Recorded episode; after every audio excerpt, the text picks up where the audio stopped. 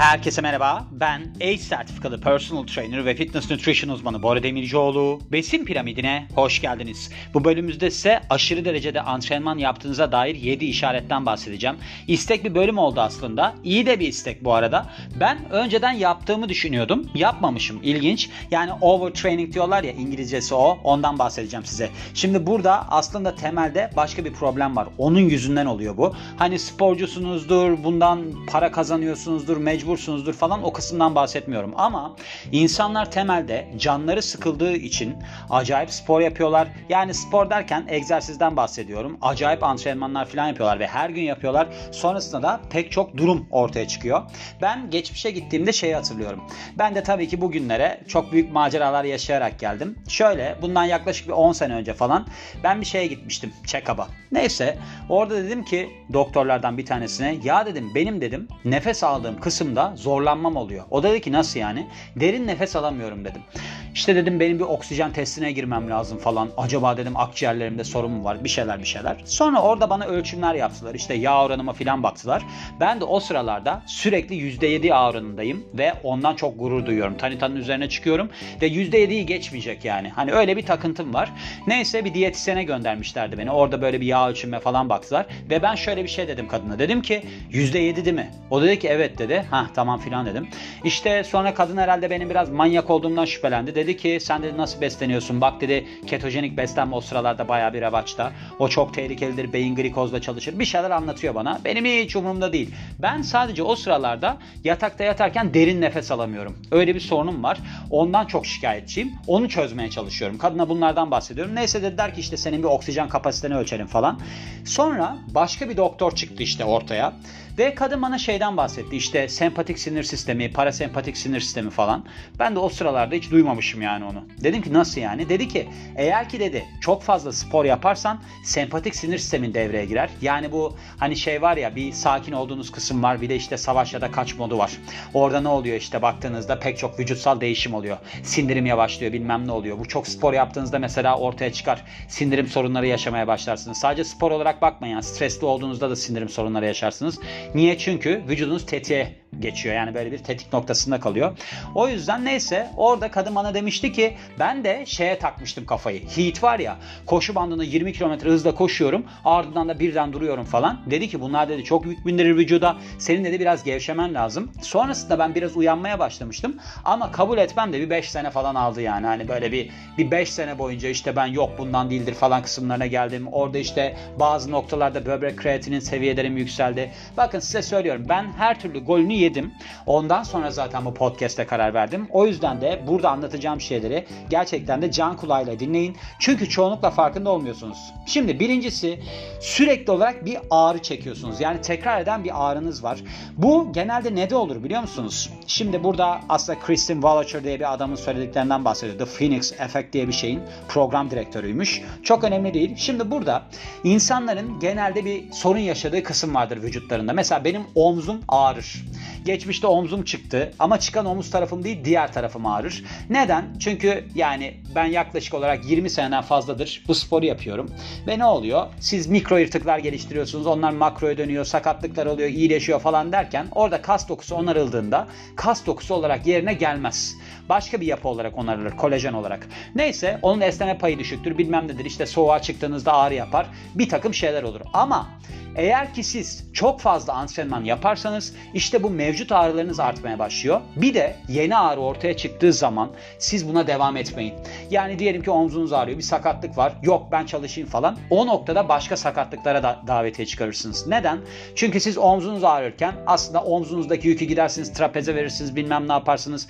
Bir ton başka kas grubunu devreye sokarsınız. Ne gibi düşünün bunu?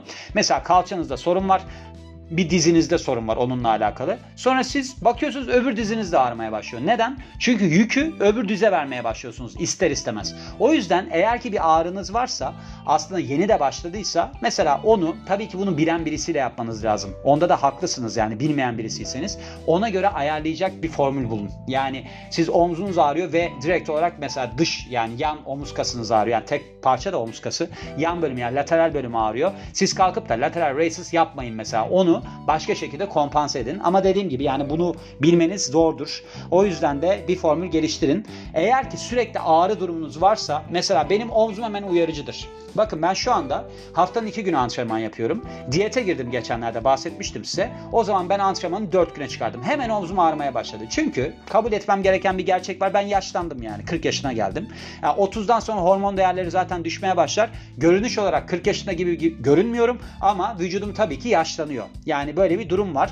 O yüzden de ben mesela 4'e çıkardığımda hemen omzum ağrımaya başladı. Ben diyeti bitirdim. Hemen yine rutinime geri döndüm. 2 gün yapıyorum. İşte onu mesela bir gün ara vererek ya da iki gün ara vererek yapıyorum. Öyle devam ediyorum. Yani kendinize göre gitmeniz lazım. Ağrı varsa bunu zorlamayın. O bir işarettir. Bakın önemli bir işarettir genele göre çok daha fazla kendinizi bitkin hissediyorsunuz. Yani bu aslında toparlanmanın hiç olmamasından kaynaklanır. Siz vücudunuza bir stres yüklersiniz. Ondan sonra hiç dinlenmezsiniz. Ondan sonra ne olur? Siz sürekli yorgun olmaya başlarsınız. Bir kere testosteron seviyeleriniz falan düşmeye başlar. Yani sürekli diyet yapıp aynı zamanda antrenman yapan insanlarda bu çok yaşanır.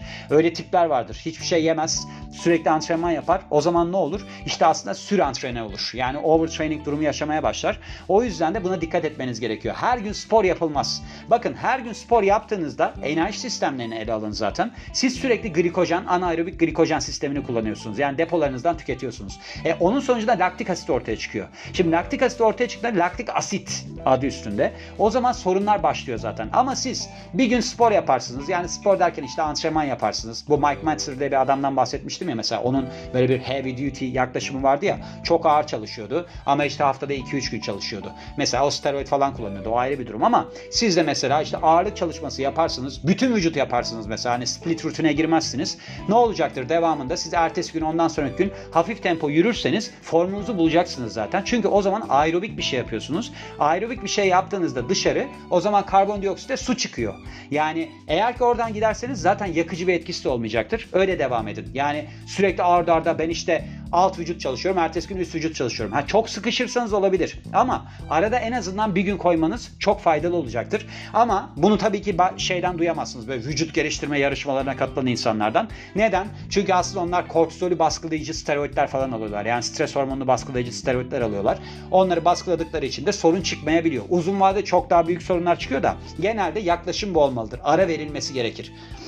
Sonrasında Sizde işte demiş ki hem hissel hem de fiziksel yan etkiler görünmeye başlar. Yani şöyle bir durum vardır. Siz baktığınızda mesela uykuya dalmada sorun yaşarsınız. Mesela odaklanma sorunu yaşarsınız. Çünkü neden? Çünkü sürekli siz şeydesiniz. Sempatik sinir sisteminin devrede olduğu bir noktadasınız. O zaman ne oluyor? Nefes alışverişiniz hızlanıyor. Heart rate'iniz yani nabzınız hızlanıyor. Ondan sonra işte odaklanma sorunu yaşamaya başlıyorsunuz. Çünkü dikkat dağınıklığı gelişiyor. Sürekli bir stresli haldesiniz siz. O zaman da sorun çıkacaktır. Öyle bir durum vardır. Uykuya girmede sorun yaşarsınız gene. Stres var çünkü vücudunuzda. Stresliyken giremezsiniz yani uykuya rahatlıkla. Hadi diyelim ki girdiniz uykunun ortasında uyanırsınız. Öyle bir durum gelişir. O yüzden de hem fiziksel yani nedir işte sakatlıklar bilmem neler hem de psikolojik sorunlara yol açar kendinizi hasta hissedersiniz. Yani hasta hissetmek derken burada şöyle bir durum oluyor. Aslında böyle bir solunum yolu enfeksiyonları falan olabiliyor. Yani dışarıda antrenman yapanlarda nemden dolayı mesela olabiliyor. Onunla beraber bu genelde de şeyde ortaya çıkar. Bu dayanıklılık sporcuları vardır ya yaz kış koşarlar falan onlarda sorunlar çıkar. Bir de yağ dokusu da düşmeye başlar. Onun için de öyle bir durum gelişir. Mesela işte baktığımızda da genellikle aslında bağışıklık sisteminde zayıflama oluyor. Neden oluyor? Çünkü siz vücudunuzu çok fazla yoruyorsunuz kısacası. Vücudunuzda bir kapasitesi var. O kapasiteyi aşarsanız mesela bu vücut geliştirme yarışmalarına hazırlanan insanlar ne oluyorlar? Acayip iri adamlar, kaslı maslı adamlar hastalanıyorlar. Eğer ki gittikleri yarışmada ortam soğuksa, ısıtılmadıysa falan ki zannedersem böyle şeyde genellikle vücut geliştirme yarışmalarının hani böyle olimpiya falan olmayanlarında öyle bir durum sağlanmıyor zaten. Hani adamlar gidiyorlar orada saatlerce bekliyorlar. işte bir mayo ile bekliyorlar falan. Sonra da sorun çıkıyor. Neden? Çünkü yağ dokusu düşmüş oluyor. Aslında diyetten dolayı pek çok hormonunuz düşmüş oluyor. O yüzden de hastalığa açık bir hale geliyorsunuz. Sonrasında beliniz ağrıyabilir deniliyor. Şimdi burada aslında şeyden bahsediyor. Eğer ki siz diyor deadlift, squat, clean press falan gibi hareketleri ağır kilolarla çok fazla yaparsanız vücudunuz burada bir kompensasyona gidiyor. Yani aktarıma gidiyor. Kassal olarak aktarıma gidiyor. Ve bu da sizin bel ağrınıza sebep olabiliyor. Şimdi yani aşırı derecede antrenman yapmak sadece böyle bir sakatlığa sebep olan bir şey değil. Aslında genel olarak baktığınızda büyük fedakarlıklar yaparak kazandığınız kas dokunuzda kaybetmenize sebep olabiliyor. Neden? Çünkü çok fazla antrenman yapıyorsunuz. Yeterli beslenmezseniz, dinlenmezseniz kas dokunuzda yıkacaktır. Bu çok kritik bir dengedir. Bakın insanlar genellikle şeyden bahsediyorlar. İşte şu şöyle yapıyormuş, bu böyle yapıyormuş. Instagram'da gördüğünüz kişiler çoğunlukla steroid kullanıyorlar. Bu vücut geliştirmeciler hemen hemen hepsi steroid kullanıyorlar. Doğal olduğunu iddia edenler de buna dahil. O yüzden onların söylediği şeylere siz uymayın. İşte onların böyle motivasyon konuşmaları falan var. İşte haftada 6 gün antrenman yapın, bir gününde dinlenin falan diye. Onlara çok kulak asmayın. Bu zaman gerektiren bir şeydir. Disiplin gerektiren bir şeydir. Bakın motivasyondan bahsetmiyorum. Disiplinden bahsediyorum. Motivasyon o an gelir. Disiplin onu sürdürebilme becerisidir. Disiplinli olarak gitmeniz gerekiyor. En azından 3 seneniz falan vermeniz gerekiyor. Yaş geçtikten sonra insanlar 40 yaşında spora başladıkları için böyle şeyler olabiliyor. Sonrasında işte diyorlar ki mesela işte böyle bir aslında compound yani bileşik egzersizler yaparsanız işte testosteron seviyeleriniz artar falan. Ne yapıyor bu sefer de adam? Deadlift, squat, squat clean press, zart derken ağır kilolarla bu sefer işte taşıyamayan kas başka yere aktarıyor. Siz bir kası sadece o kas olarak ele almayın. Yani bir yerde zayıflık varsa her tarafınız etkilenir. Yani sizin beliniz zayıfsa kalçanız da etkilenir, ayağınız da etkilenir. Ayağınız düz tabansa boynunuz bile tutulur. Daha önceden de bahsetmiştim yani. Mesela sol ayağınız düz tabansa sağ kısmınız tutulur boynunuzun. Çünkü öyle bir zincir reaksiyon şekli var. O yüzden de yani buna dikkat etmeniz gerekiyor. Hareketleri de bozar bu arada. Yani siz sürekli antrenman yaparsanız formunuzu da kaybetmeye başlarsınız. Bundan kaçınmanız gerekiyor. Sonra burada demiş ki işte sizin kalp ritminiz diğer yani normale göre daha yüksek. Yani dediğim gibi demin sempatik sinir sistemi devreye girdiği zaman böyle bir duruma yol açar. Sadece işte nabzınız yükselmez, nefes alıp verişiniz yükselir, derin nefes alamazsınız. Sorunlara davetiye çıkarır yani. O yüzden de aslında böyle bir şeyde burada şey olarak da görmüş. Yani antrenman sırasında çok fazla antrenman yapma olarak da görmüş. Yani bunu demiş çok fazla yüksek noktalara çekmeyin. Kalp ritminizi hep gözlemleyin demiş antrenman sırasında. Yani şöyle işte bakıyorsunuz mesela %80'in üzerine falan çıkmamanız gerekiyor deniliyor burada. Yani sürekli antrenman sırasında böyle kalırsanız sorun çıkarır deniliyor. Yani tabii ki bu bir yaklaşımdır. Yani siz eğer ki orada kaç dakika yapıyorsunuz o önemli zaten. Yüksek yoğunluklu bir şey yapıyorsanız tabii ki hani orada yüksek nabızla kalmanız gerekiyor ama süresi önemli mesela orada da. Yani dediğim gibi burada Bilen birisiyle çalışmanız çok önemli. Yani beslenmede de ben mesela burada yaklaşık 600 bölüm yaptım. Bakın bunların 450'si beslenmeyle alakalıdır. E tabii ki burada şimdi siz dinlediyseniz bilgilenmişsinizdir. Ama kültürlü birisi misiniz? Hayır değilsiniz. Neden değilsiniz? Orada çok uzun zaman geçmesi gerekiyor.